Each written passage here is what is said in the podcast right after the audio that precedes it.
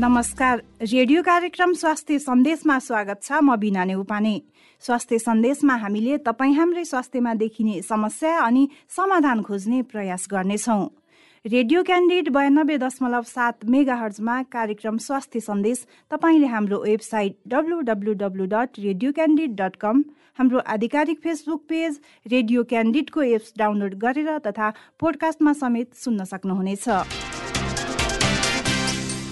पछिल्लो समय प्रायजसो सबै मानव अङ्ग प्रत्यारोपण हुन थालेका छन्।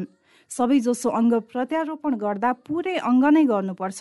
तर कलेजो त्यस्तो मानव अङ्ग हो जसलाई प्रत्यारोपण गर्दा कुनै भागलाई प्रत्यारोपण गरिन्छ। कलेजो प्रत्यारोपण गर्ने अवस्था कसरी आउँछ? कसरी प्रत्यारोपण गरिन्छ? यो अवस्था आउन नदिनको लागि के के कुरामा ध्यान दिनुपर्छ भनेर आजको स्वास्थ्य सन्देशमा केन्द्रित हुनेछौँ।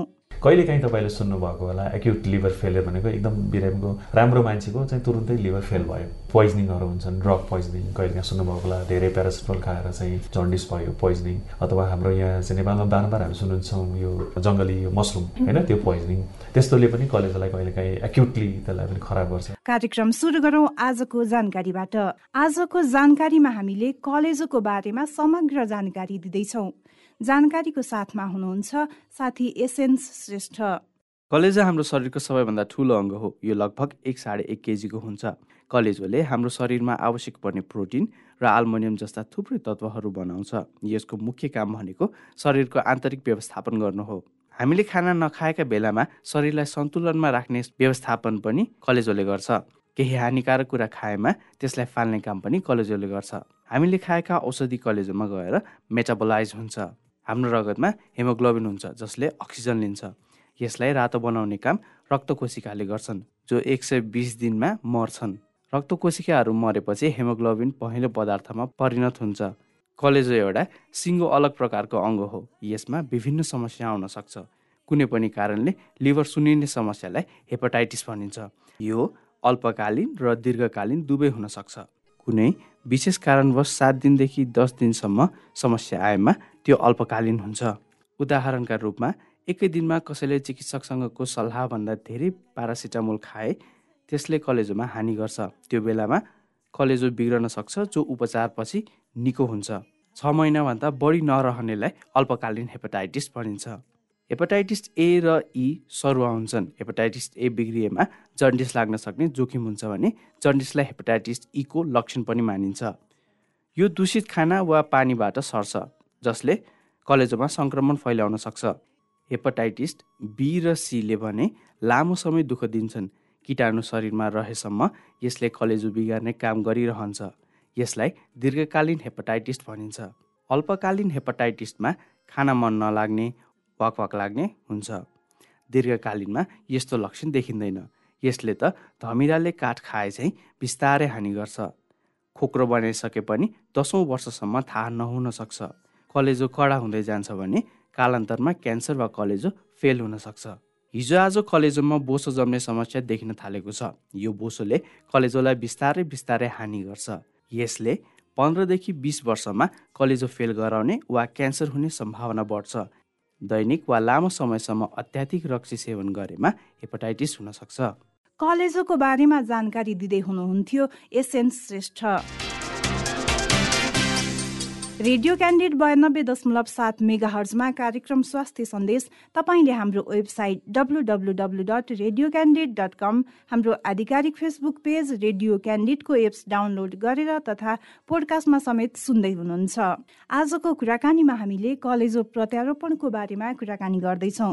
नेपालमा कलेजो प्रत्यारोपण कसरी हुन्छ? कस्तो व्यक्तिले कलेजो दिन पाउँछ? अनि कस्तो व्यक्तिले लिन पाउँछ? कसरी यो प्रत्यारोपण गरिन्छ? प्रत्यारोपण गरिसकेपछि के के कुरामा ध्यान दिनुपर्छ भनेर कुराकानी गर्दैछौँ।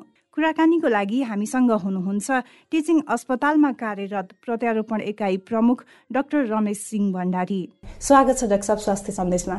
धन्यवाद। पछिल्लो समय अब प्रत्यारोपणमा धेरैले बुझ्ने गर्नुहुन्छ प्रत्यारोपण गर्ने भनिसकेपछि पुरै अङ्ग नै प्रत्यारोपण गर्नुपर्छ भनेर। तर कलेजो त्यस्तो अङ्ग हो जसलाई चाहिँ पूर्ण रूपमा प्रत्यारोपण नगरिकन कुनै पाठको रूपमा चाहिँ प्रत्यारोपण गरिन्छ। यो कलेजो प्रत्यारोपणलाई चाहिँ हामीले कसरी बुझ्ने? कलेजो प्रत्यारोपण सबभन्दा बुझ्नुपर्ने दुई तरिकाले गर्न सकिन्छ। यो अरू अङ्गमा पनि लागु हुन्छ जस्तो हामीले क्याडाबरिक भन्छौँ। क्याडाबरिक भनेको ब्रेन डेथ भएको बिरामीको। अहिलेमा हाम्रो सुरु भएको छैन कलेजको चाहिँ किडनीको चाहिँ केही प्रत्यारोपण भएका छन् त्यसरी। त्यो चाहिँ नि कस्तो भने ब्रेन डेथ अथवा मस्तिष्क मृत्यु भएका व्यक्तिहरूको उनीहरूको चाहिँ नि मस्तिष्क चाहिँ मृत्यु भइसक्यो तर बाँकी अर्ग्यानहरूले बाँकी जस्तो कलेजो किडनीले चाहिँ सबै काम गरिरहेको हुन्छ। त्यस्तो बिरामीहरूको चाहिँ नि कलेजो झिकेर चाहिँ हाल्न हाल हाल्नेलाई हामीले क्याडाबरिक ट्रान्सप्लान्ट भन्छौँ। र त्यस्तो अवस्थामा चाहिँ प्रायः जस्तो पुरै कलेजो झिकेर नै बिरामीको रोग लागेको कलेजो झिक्ने र त्यसमा चाहिँ नि त्यो दिने दान दिने व्यक्तिको चाहिँ पुरै कलेजो झिकेर नै राख्ने हो धेरै जसो। तर हाम्रो यहाँ अहिले जे गरिरहेको छ यो चाहिँ लिभिङ डोनर भन्छौँ जीवित व्यक्तिले दिने आफ्नो नजिकका नातेदारलाई दिने। सो जीवित व्यक्तिले दिने भनेपछि यसलाई पुरै त झिक्न मिल्न मिलेन। त्यही भएर यसलाई चाहिँ हामीले दिने मान्छे र लिने मान्छे दुइटैको सबै स्ट्याटस हेर्छौँ। दिने मान्छेको चाहिँ कतिसम्म दिन मिल्छ म्याक्सिमम् र दिइसकेपछि बाँकी रहेको कलेजोले चाहिँ बिरामीलाई दिने मान्छेलाई केही असर पर्न भएन। प्लस दिएको लिभरले चाहिँ लिने मान्छेलाई पनि पुग्नु पऱ्यो अब यो सबै कुरा हेरेर चाहिँ त्यसपछि हामीले युजली आधा जति चाहिँ हामीले लिन्छौँ। र त्यो चाहिँ नि बिरामीको चाहिँ नि रोग लागेको कलेजो चाहिँ पुरै झिक्छौँ। र त्यसको ठाउँमा गएर त्यो झिकेको दान दिएको कलेजोलाई चाहिँ गएर हामीले जोड्छौँ। यसरी यो कलेजो प्रत्यारोपण गर्न पर्ने अवस्था चाहिँ किन आउँछ डाक्टर अब कलेजो प्रत्यारोपण अब विविध कारण हुन्छन् बच्चामा हुने कारण फरक हुन्छन् वयस्कमा ठुलो मान्छेमा हुने कारणहरू फरक हुन्छन्। तर ठुलो मान्छेमा कोही कुरा गरौँ धेरै जसो चाहिँ अब हाम्रोमा आउने चाहिँ अन्त्यमा गएर जुन यो सिरोसिस भन्ने रोग हुन्छ धेरै कारणले गर्दा हुन्छ सिरोसिस। त्यो सिरोसिस नै बिग्रेर चाहिँ त्यसको लागि चाहिँ हामीले कलेजो फेर्नुपर्ने हुन्छ। सिरोसिस भनेको अल्टिमेटली पछि गएर कलेजोले आफ्नो गर्नुपर्ने कामहरू चाहिँ बिस्तारै त्यसले गर्न छोड्छ। त्यही भएर त्यसलाई चाहिँ हामीले फेर्नुपर्ने हुन्छ। त अब त्यो सिरोसिस विभिन्न कारणले गर्दा हुन्छ। जस्तो हाम्रोमा बढी देखिने यहाँ आउने चाहिँ अल्कोहल रक्सी सेवनले लामो समय रक्सी सेवनले गर्दा हुने। र अर्को चाहिँ नि इन्फेक्सन्सहरू हेपाटाइटिस बी सी इन्फेक्सन्स भनौँ त्यसको कारणले गर्दा। र त्यसबाहेक पनि आजभोलिदेखि नै यो फ्याटी लिभर डिजिज भन्ने सुन्नुभएको होला। लामो समयसम्म यो कलेजोमा बोसोपन रहिरह्यो भने त्यसले पनि असर गर्दै गएर पछि गएर सिरोसिस हुनसक्छ अब यी चाहिँ प्रमुख कारणहरू भए त्यसबाहेक पनि थुप्रै अरू कारण जुन रगतमा कुनै चिजको बढी भएर अथवा कमी भएर कलेजोमै कुनै अरू समस्या परेर पनि डिफ्रेन्ट मेटाबोलिक डिजिज भन्छौँ होइन? ती कारणले पनि हुन्छ। र कहिलेकाहीँ चाहिँ वयस्कमा हामी क्यान्सरको लागि पनि त्यो गर्छौँ। कलेजमा भने क्यान्सरको लागि पनि प्रत्यारोपण गर्छौँ। अब यी चाहिँ मेजोरिटी चाहिँ अब यो सिरोसिस भयो अथवा यी लामो समयका रोगको लागि भयो।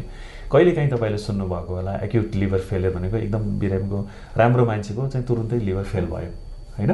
जस्तो पोइजनिङहरू हुन्छन् ड्रग पोइजनिङ कहिलेकाहीँ सुन्नुभएको होला धेरै प्यारासिटमल खाएर चाहिँ जन्डिस भयो पोइजनिङ अथवा हाम्रो यहाँ चाहिँ नेपालमा बारम्बार हामी सुन्छौँ यो जङ्गली मसरुम होइन त्यो पोइजनिङ त्यस्तोले पनि कलेजोलाई कहिलेकाहीँ एक्युटली त्यसलाई पनि खराब गर्छ र गर्नुपर्ने हुन्छ।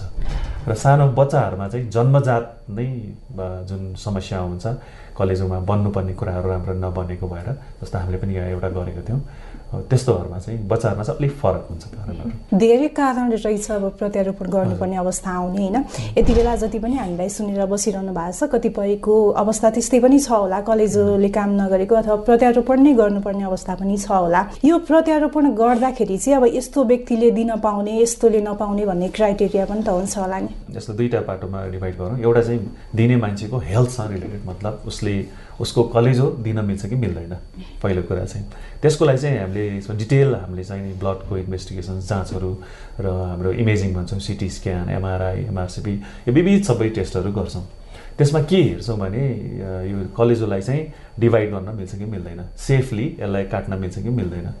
र अहिले मैले भने जस्तै बिरामीलाई चाहिने जुन ट्रान्सप्लान्ट गर्नुपर्ने बिरामीलाई चाहिने जति लिभर झिक्न मिल्छ कि मिल्दैन त्यो हेर्छौँ। अनि कसैले इच्छा गरेर म दिन्छु भनेर मात्र हुँदैन हेल्दी भएर मात्र पनि हुँदैन। यो र दिन मिल्ने नमिल्ने सबै यो हेर्छौँ। र कति बिरामीको चाहिँ नि त हेर्दाखेरि दिन मिल्ने हुन्छ होइन? तर यो सबै जाँचहरू गर्दाखेरि चाहिँ यो चाहिँ विविध कारणले कसैको नसाहरूको चाहिँ एब्नोम्यालिटी भएर कसैको कलेजो नै डिभाइड गर्न नमिल्ने भएको विविध कारणले दिन नमिल्ने हुन्छ।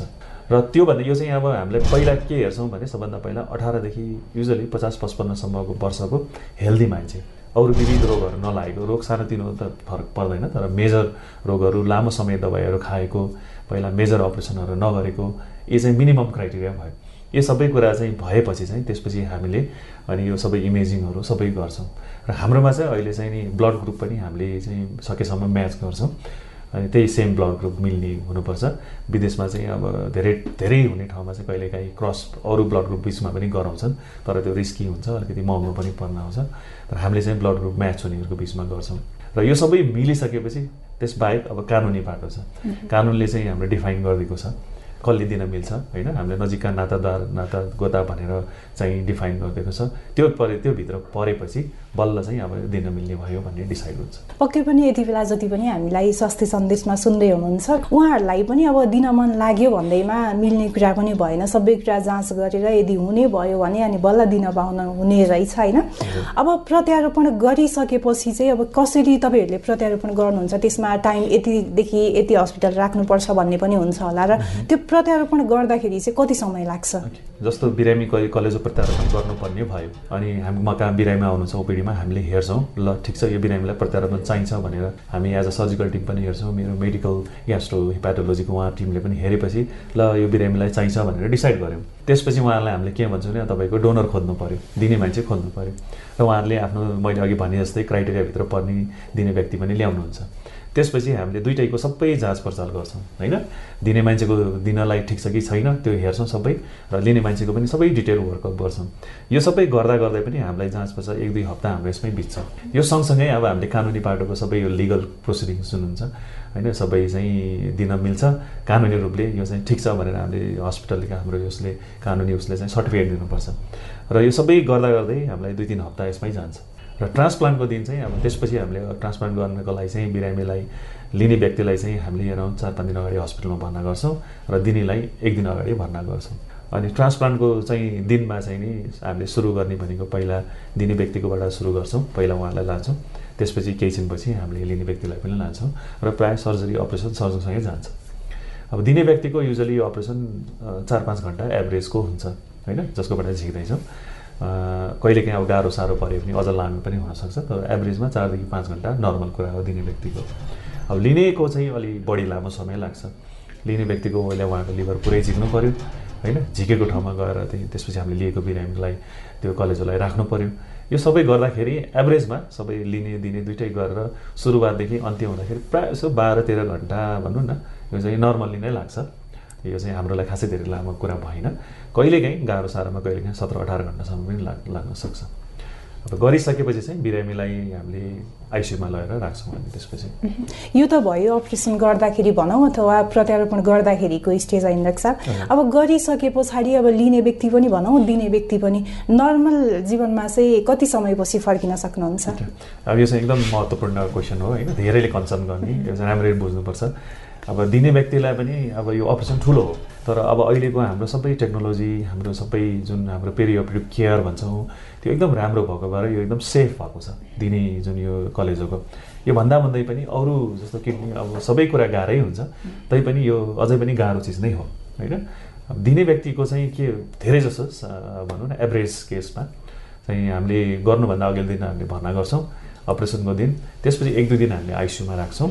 र अवस्था हेरेर हामीले दुईदेखि तिन दिनमा बिरामीलाई वार्डमा ल्याउँछौँ। र प्रायः जस्तो बिरामीहरूलाई हामीले हप्तादेखि दस दिनको बिचमा हामीले डिस्चार्ज गर्न सक्छौँ दिने व्यक्तिलाई। डिस्चार्ज गर्ने बेलामा बिरामी आफ्नो हिँडुल गर्ने खान सक्ने सबै आफ्नो केयर गर्न सक्ने हुन्छ। तर फर्दर अर्को चारदेखि छ हप्ता चाहिँ हामी उसलाई धेरै स्ट्रेस लिने धेरै मतलब आफूलाई गरौँ कामहरू आफूलाई असर गर्ने मतलब भारी चिजहरू त्यस्तो चाहिँ चारदेखि छ हप्ता नगर भन्छौँ। छदेखि आठ हप्तामा प्रायः जस्तो बिरामीहरू ब्याक टु आफ्नो नर्मल काममा जान सक्छन्। होइन? आफ्नो रुटिन गर्ने कामहरू अफिस जाने सबै पढाउने गर्ने काम गाडी चलाउने मोटरसाइकल चलाउने प्रायः जस्तो सबै गर्न सक्छन्। अब एकदमै हेभी काम जस्तो खेलाडीहरू छन् भारी बोक्नेहरू छन् माउन्टेनिङ जाने छन् जसलाई एकदमै भनौँ न धेरै यो फिजिकल वर्क चाहिन्छ। त्यस्तोहरूलाई चाहिँ केही समय अलिकति ढिला गर्नुहोस् भनेर भन्छौँ। र प्रायः जस्तो बिरामीलाई चाहिँ एभरेजमा बुझ्दा डेढदेखि दुई महिनामा ब्याक टु नर्मलमा हुन्छ त्यो चाहिँ दिने व्यक्तिमा भयो। अब लिने व्यक्तिको चाहिँ अलिक फरक हुन्छ। लिनेलाई चाहिँ हामीले अपरेसन गरेपछि पनि अब एभरेजमा आठदेखि दस दिन आइसियुमै राख्छौँ। एकदम सुरुको एकदम रिस्की पिरियड हुन्छ। कम्प्लिकेसन्स हुने सम्भावना धेरै हुन्छ कम्प्लिकेसन भइहाल्यो भने पनि ज्यानै जान सक्ने कम्प्लिकेसन हुन्छ। त्यही भएर उहाँलाई आइसियुमा नै राखेर हेर्छौँ। दसदेखि बाह्र दिनमा सबै स्टेबल भएपछि वार्डमा लिएर आउँछौँ। बिस्तारै उहाँहरूलाई चाहिँ हामीले सबै मुखबाट खान दिने औषधिहरू सबै ओरल भन्छौँ मुखबाट खान दिने अरू एक्टिभिटिजहरू गराउँछौँ ब्लडको टेस्टहरू गराउँछौँ विविध जाँचहरू गरेर आउँछौँ।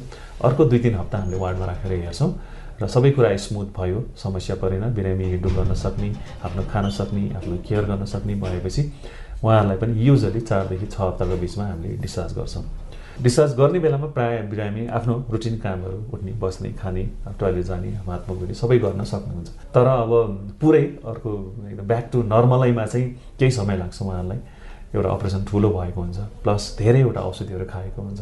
होइन? त्यो चाहिँ बिस्तारै बिस्तारै चाहिँ नेक्स्ट भनौँ न केही हप्ता र फर्दर महिनामा चाहिँ बिरामीको सबै स्टेबल हुँदै आउँछ।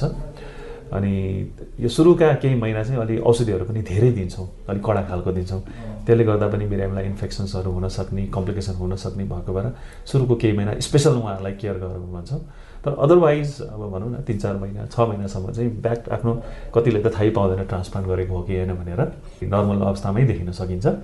त्यो भन्दा भन्दै पनि ट्रान्सप्लान्ट गरेको लिएको व्यक्ति चाहिँ नर्मल कहिले पनि होइन। उहाँले जहिले पनि आफूलाई चाहिँ एकदम केयरफुल चाहिँ भएर बस्नुपर्छ। जस्तो रक्सी सेवनले गर्दा बिग्रेको लिभरलाई फेरि उहाँले छोइदिनु भयो भने गयो। फेरि बिग्रिन्छ लिभर अब त्यो कामै लाग्दैन। औषधिहरू ठिक ठिक टाइममा खानुपर्छ। औषधि चाहिँ बिर्सिनु भएन। जथावादी औषधि सेवन गर्न मिल्दैन होइन? अलिकति पनि केही समस्या देखियो अथवा केही भयो भने पनि हाम्रो रेगुलर हामीले फलोअपमा आउनुपर्छ। र उहाँहरूको अलिकति जीवन चाहिँ अलिक मोर डिसिप्लिन्ड हुनुपर्छ। होइन? यो चाहिँ अब लामो समयसम्म नै त्यस्तो भइरहनुपर्छ। पक्कै पनि डाक्टर साहब यहाँले भन्दै गर्दाखेरि अपरेसन गरिसके पछाडि जो व्यक्तिले चाहिँ कलेजो लिनुभएको छ नि उहाँहरूको त्यो जुन अपरेसन गरिसके पछाडि कुनै कुनै अवस्था यस्तो पनि आउन सक्छ कि ज्यानै जाने भन्नुभयो। त्यो अवस्था चाहिँ कसरी आउँछ के भयो भने चाहिँ ज्यानै जान सक्ने पनि हुन्छ। एउटा चाहिँ नि अब इमिडिएट अपरेसन गर्ने बित्तिकै चाहिँ सर्जिकल कम्प्लिकेसन्स भन्छौँ हामीले। अपरेसन गरेको जस्तो रगतका नसाहरू जोडेका हुन्छौँ जोडी नजोडिन सक्छ फुट्न सक्छन् होइन? अथवा लिएको कलेजले नै काम नगरिदिन सक्छ। अब त्यो चाहिँ इमिडिएट उसमा हुने कुरा हो। त्यही भएर हामीले त्यो बिरामीलाई दस दिनसम्म आइसियुमा राख्ने पऱ्यो भने तुरन्तै हामीले त्यसलाई चाहिँ नि के गर्न सकिन्छ होइन? इन्टरभेन गर्नलाई राख्छौँ। बिस्तारै पछि पनि अब सर्जिकल कम्प्लिकेसन नहुने होइन। लङ टर्म कम्प्लिकेसन्स भन्छौँ। धेरै कम्प्लिकेसन कस्तो हुन्छ भन्दाखेरि समयमा नै थाहा पायो भने त्यसलाई हामीले ट्रिट गर्न सक्छौँ। होइन? त्यसलाई ढिला भयो भने चाहिँ अनि प्लस चाहिँ अब केही गर्न नसक्ने बिरामीको ज्यानै जान सक्ने हुन्छ। अब रगतका बेसिकली चाहिँ अब रगतका नसाहरूको कम्प्लिकेसन होइन पित्त नलीहरू जोडेका हुन्छ। त्यसको कम्प्लिकेसन्स त्यो कम्प्लिकेसनलाई समयमै डिल गरेन भने चाहिँ त्यो चाहिँ बिरामीलाई हामीले लुज गर्न सक्छौँ। र यसबाहेक पनि हामीलाई सधैँ कन्सर्न चाहिँ यो दिएको कल लिएको कलेजले सधैँ काम गरिराखोस् त्यो कलेजले काम गर्न पनि छोड्न सक्छ। त्यसलाई पनि हामीले बारम्बार हामीले हेर्नुपर्ने हुन्छ होइन। हो त्यो कलेजले काम गरोस् राम्ररी गरोस् त्यसको काममा चाहिँ असर न नपरोस् भनेर हामीले एकदम कडा खालको औषधिहरू दिएको हुन्छौँ। त्यो औषधिको चाहिँ हामीले डोजलाई तलमाथि गर्नुपर्ने हुनसक्छ। अनि त्यसैको लागि पनि हामीले बिरामीलाई रेगुलर फलोअपमा राखेको हुन्छौँ। अर्को चाहिँ इन्फेक्सन्स हुनसक्ने बिरामीलाई चाहिँ कडा खालका इन्फेक्सन्सहरू हुन सक्ने हुन्छ जसले बिरामीको ज्यानै पनि जान सक्छ। सो यो विविध समस्याहरू आउन सक्छन्। सबैलाई हुन्छ भन्ने भएन सबैलाई हुने भए त फेरि किन गरेको अर्थै भएन। सर्टेन पर्सेन्ट पेसेन्ट्सलाई चाहिँ हुनसक्छ। तर लकिली यो भए तापनि समय समयमा फलोअप समस्या पर्ने बित्तिकै अस्पतालमा आउनुभयो। जस्तो समस्या कस्तो पर्छ भन्ने हुन्छ। धेरैलाई ज्वरो आउन सक्ने फेरि जन्डिस हुन सक्ने पेट दुख्न सक्ने होइन? खाएको नपस्न सक्ने कमजोर हुन सक्ने। आफ्नो रुटिन आफ्नो जुन एक्टिभिटीबाट आफूलाई थाहा हुन्छ ल म चाहिँ अब यो नर्मल छुइनँ है भन्ने भयो भने जस्तोसुकै समस्या परे तापनि यो चाहिँ ट्रान्सप्लान्टसँग रिलेटेड हो कि भनेर एकचोटि आउनै पर्छ होइन? इभन रोगै लाग्यो खोकी धेरै लाग्यो भने पनि योसँग सम्बन्धित हो कि भनेर एकचोटि हामीलाई हाम्रो यो स्पेसियालिटीलाई चाहिँ देखाउनै पर्छ र कन्फर्म गर्नै पर्ने हुन्छ। यो त भयो प्रत्यारोपण गर्दाखेरिको कुराहरू होइन? अब यो प्रत्यारोपण गरिसकेको कलेजो भनौँ अथवा प्रत्यारोपण गरिसके पछाडि चाहिँ यति समयसम्म काम गर्छ यो कलेजोले भन्ने हुन्छ कि अब त्यो आफ्नो लाइफस्टाइल अनुसार काम गर्ने नगर्ने के हुन्छ? अब यो चाहिँ ठ्याक्कै यति उति काम गर्छ भन्ने हुँदैन। तपाईँले आफै भनिहाल्नुमा विविध कुरामा भर पर्छ होइन? एउटा चाहिँ अब कुन उमेरमा कलेज प्रत्यारोपण गर्नुभएको छ? डेफिनेटली अब साठी सत्तरी वर्षमा गएर कलेज प्रत्यारोपण गर्नुभएको छ भने त त्यो कलेजोले काम गर्दा गर्दै अरू रोगहरू अरू मुटुको छातीको रोगहरू आउन सक्छ र समस्या देखिन सक्छ होइन? तर अदरवाइज भन्दाखेरि लिएको कलेजोले यसलाई हामीले रेगुलरली फलोअपमा बस्यौँ। समयमा आफ्नो दबाई चाहिँ आफ्नो ड्रग्सहरू मेडिकेसन्सहरू लियौँ। कम्प्लिकेसन भयो भने समयमा उपचार गऱ्यौँ र एकदम डिसिप्लिन लाइफ जुन मैले अघि भनेँ होइन त्यसरी बस्यो भने नर्मल हुन सक्छ। यो जति पनि मान्छे जानु बिस वर्ष तिस वर्ष चालिस वर्ष पनि बाँचेका छन्। हामीले इन्डिया विदेशमा त भनौँ न इन्डियामै पनि हामीले सुनेका छौँ। सानोमा गरेको मान्छे कति डाक्टर इन्जिनियरहरू भइसके। सो यो चाहिँ नर्मल लाइफ जान सक्छ। यो त भयो कलेजमा समस्या आएर प्रत्यारोपण कसरी गर्नुपर्छ र के के कुरामा ध्यान दिने कसरी चाहिँ प्रोसेसमा जान्छौँ हामी भन्ने कुरा होइन? अब यो कलेज जोगाउनको लागि चाहिँ पहिला नै हामीले के कुरामा ध्यान दिने त? यो अर्को इम्पोर्टेन्ट कुरा होइन? अब कलेजो जोगाउन कलेजोको समस्या नपर्ने भनेको अब सबै कुरा त हामीले प्रिभेन्ट गर्न सक्दैनौँ होइन? कलेजोमा यति रोगहरू छन् जुन तपाईँले जे गरे पनि त्यसलाई रोक्न सक्नुहुन्न। त्यस्तो रोगहरू चाहिँ बरु समयमा नै परीक्षण गरेर जाँचेर जतिसक्दो चाँडो ट्रिटमेन्ट गर्नुमा राम्रो हुन्छ। अब के के कुरासँग रिलेटेडले चाहिँ कलेजोमा लाग्ने रोगलाई चाहिँ हामीले बचाउन सक्छौँ भन्ने प्रिभेन्ट गर्न सक्छौँ भन्ने हो। अब अहिले मैले भने जस्तै एउटा रक्सी सेवन सबैभन्दा ठुलो इम्पोर्टेन्ट हाम्रो चाहिँ कारण हो कलेजो बिगार्ने। अब रक्सी सेवनमा चाहिँ अलिक कन्ट्रोल गर्नु पऱ्यो होइन? त्यसलाई चाहिँ अब खाँदै नखानु भनेर अब जिरो भनेर पनि भन्दाखेरि पनि मान्छेलाई के हुन्छ तर लिमिटमा बसेर थाहा हुनु पऱ्यो होइन? एकदम धेरै कलेजो बिग्रिनु भनेको एक्सेसिभ सेवनले नै हो धेरै सेवन गरेर नै कलेज त्यो रक्सी खा खाएर नै हो होइन? पिएर नै हो। त्यसबाहेक चाहिँ अब जीवनयापन हाम्रो जुन दैनिक जीवनशैली छ अब यो ओबिसिटीको कारणले गर्दा होइन एक्सर्साइज नपुगेर पनि हाम्रो फ्याटी लिभर डिजिज भन्ने हुन्छ। त्यो नै पछि गएर बिग्रिने हो। त्यही भएर अब अब हेल्दी डाइट भन्छौँ गुड एक्सर्साइज भन्छौँ। अब यो त कलेजोलाई मात्र होइन यो जुनसुकैलाई पनि चाहिँ काम लाग्छ होइन। अनि त्यसबाहेक चाहिँ अब इन्फेक्सन्सहरूको कारणले गर्दा पनि मैले भने कि अब त्यस्तो भएको छ भने पनि यसलाई चाँडै टाइममा चाहिँ ट्रिटमेन्टहरू गर्न सक्यौँ। एभ्री सी आजभोलि त धेरैको ट्रिटमेन्टहरू छन् होइन। त्यसलाई पनि कन्ट्रोल गरेर राख्न सक्यौँ भने पनि यो पछि गएर जुन प्रत्यारोपणै चाहिने गरेर जुन कलेज बिग्रिन जान्छ त्यसलाई केही हदसम्म पनि हामीले रोक्न सक्छौँ। म चाहिँ एज अ सर्जन भएको भएर मोर अफ अ क्युरेटिभ कुरामा चाहिँ होइन क्योर गर्ने कुरामा बढी हामीले चाहिँ फोकस गर्छौँ। त्यही भएर चाहिँ नि रोग एउटा लाग्नै नदिनु ठुलो कुरा र लागि नै सकेछ भने समयमै यसलाई चाहिँ परीक्षण गराएर जाँचेर यसलाई ट्रिट गर्न पायो भने चाहिँ फेरि हामी हाम्रो नर्मल हेल्दी लाइफ हामीले जिउन सक्छौँ। व्यस्तताको बावजुद पनि हाम्रो स्वास्थ्य सन्देशमा आएर आफ्नो जानकारी राखिदिनु भयो त्यसको लागि धेरै धेरै धन्यवाद। यहाँलाई पनि धेरै धेरै धन्यवाद। यसरी बोल्ने मौका दिनुभएकोमा। कुराकानीपछि अब लागौँ जानिराखौँ सेगमेन्टतर्फ। स्वास्थ्य टिप्स जानिराखौँ सेगमेन्टमा हामीले कलेजोलाई घरमा नै कसरी बचाउन सकिन्छ भनेर जानकारी दिँदैछौँ। जानकारी प्रस्तुत गर्दै हुनुहुन्छ साथी निमु शेर्पा। कलेजो जोगाउने घरेलु उपाय। जैतुनको तेल। जैतुनको तेल कलेजो स्वस्थ राख्नका लागि राम्रो विकल्प हो। बिहानको खाजा या कुनै पनि तरकारीमा जैतुनको तेल सेवन गर्नाले फाइदा हुन्छ। जैतुनको तेल पाइँदैन भने चुरोट मदिरा तथा सुर्तीजन्य पदार्थबाट टाढै रहनु अत्यन्त आवश्यक हुन्छ। बेसार। बेसारको नियमित सेवनले कलेजोको समस्या हट्छ। बेसारमा एन्टिसेप्टिक गुण हुन्छ भने एन्टिअक्सिडेन्टको राम्रो स्रोत हो। हेपाटाइटिस बी र सीबाट निर्माण हुने भाइरस बढ्नबाट पनि यसले रोक्छ। दुधमा बेसार मिसाएर पिउनले कलेजोलाई फाइदा हुन्छ। बेसारमा एन्टिसेप्टिक गुण हुन्छ भने एन्टिअक्सिडेन्टको राम्रो स्रोत हो। हेपाटाइटिस बी र सीबाट निर्माण हुने भाइरस बढ्नबाट पनि यसले रोक्छ। दुधमा बेसार मिसाएर पिउनले कलेजोलाई फाइदा हुन्छ। अमला अमला भिटामिन सीको सबैभन्दा राम्रो स्रोत हो। यो आँखा कपाल तथा छालाका लागि फाइदाजनक छ भने कलेजोको स्वास्थ्यका लागि पनि राम्रो हो। अध्ययनहरूबाट अमलामा कलेजो सुरक्षित राख्ने सबै तत्त्व रहेको पाइएको छ। Green tea. यदि कलेजो स्वस्थ राख्न चाहनुहुन्छ भने दुध चियाको साटो ग्रिन टी सेवन गर्न सुरु गर्नुहोस्। ग्रिन टीमा भरपूर मात्रामा एन्टिअक्सिडेन्ट हुन्छ जसले सबै खालका विषाक्त पदार्थलाई नष्ट गर्छ। बिहान उठ्ने बित्तिकै एक कप ग्रिन टी पिउनु हितकर हुन्छ। करेला। स्वादका हिसाबले करेला तितो भए पनि कलेजोका लागि वरदानै मानिन्छ। दिनहुँ एक गिलास करेलाको जुस पिउनाले कलेजो स्वस्थ हुन्छ। साथै यसले फ्याटी लिभरको समस्या पनि हटाउँछ। गोलभेडा। यदि फ्याटी लिभरको समस्या छ भने काँचो गोलभेडा फाइदाजनक मानिन्छ। यसैले उपलब्ध भएसम्म उपयुक्त मात्रामा काँचो गोलभेडा नियमित रूपमा सेवन गर्नु राम्रो मानिन्छ। कलेजोलाई घरेलु उपायबाट नै कसरी जोगाउन सकिन्छ भनेर जानकारी दिँदै हुनुहुन्थ्यो साथी निमु शेर्पा। रेडियो क्यान्डिड बयानब्बे दशमलव सात मेगा हर्जमा कार्यक्रम स्वास्थ्य सन्देश तपाईँले हाम्रो website W W W dot radio candid dot com हाम्रो आधिकारिक फेसबुक पेज रेडियो क्यान्डिडको एप्स डाउनलोड गरेर तथा पोडकास्टमा समेत सुन्न सक्नुहुनेछ। रेडियो कार्यक्रम स्वास्थ्य सन्देश तपाईँलाई कस्तो लाग्यो? हामीलाई सल्लाह सुझाव र प्रतिक्रिया दिन नभुल्नुहोला। त्यसको लागि हाम्रो ठेगाना हो कार्यक्रम स्वास्थ्य सन्देश रेडियो क्यान्डिड बयानब्बे दशमलव सात मेगा हर्ज काठमाडौँ। यस्तै हामीलाई हाम्रो फेसबुक पेजमा म्यासेज तथा इमेल ठेगाना radio candid ninety two point seven eight the rate Gmail dot कममा मेल गर्न सक्नुहुनेछ। हवस् त। नियमित कार्यक्रम स्वास्थ्य सन्देश भोलि यही समयमा फरक विषयवस्तुका साथ उपस्थित हुनेछौँ। कार्यक्रम अवधिभर प्रविधिमा साथ दिने सृजना भुजेल सहित कार्यक्रम स्वास्थ्य सन्देशबाट बिना नेउपाने विदा हुन्छु। नमस्कार।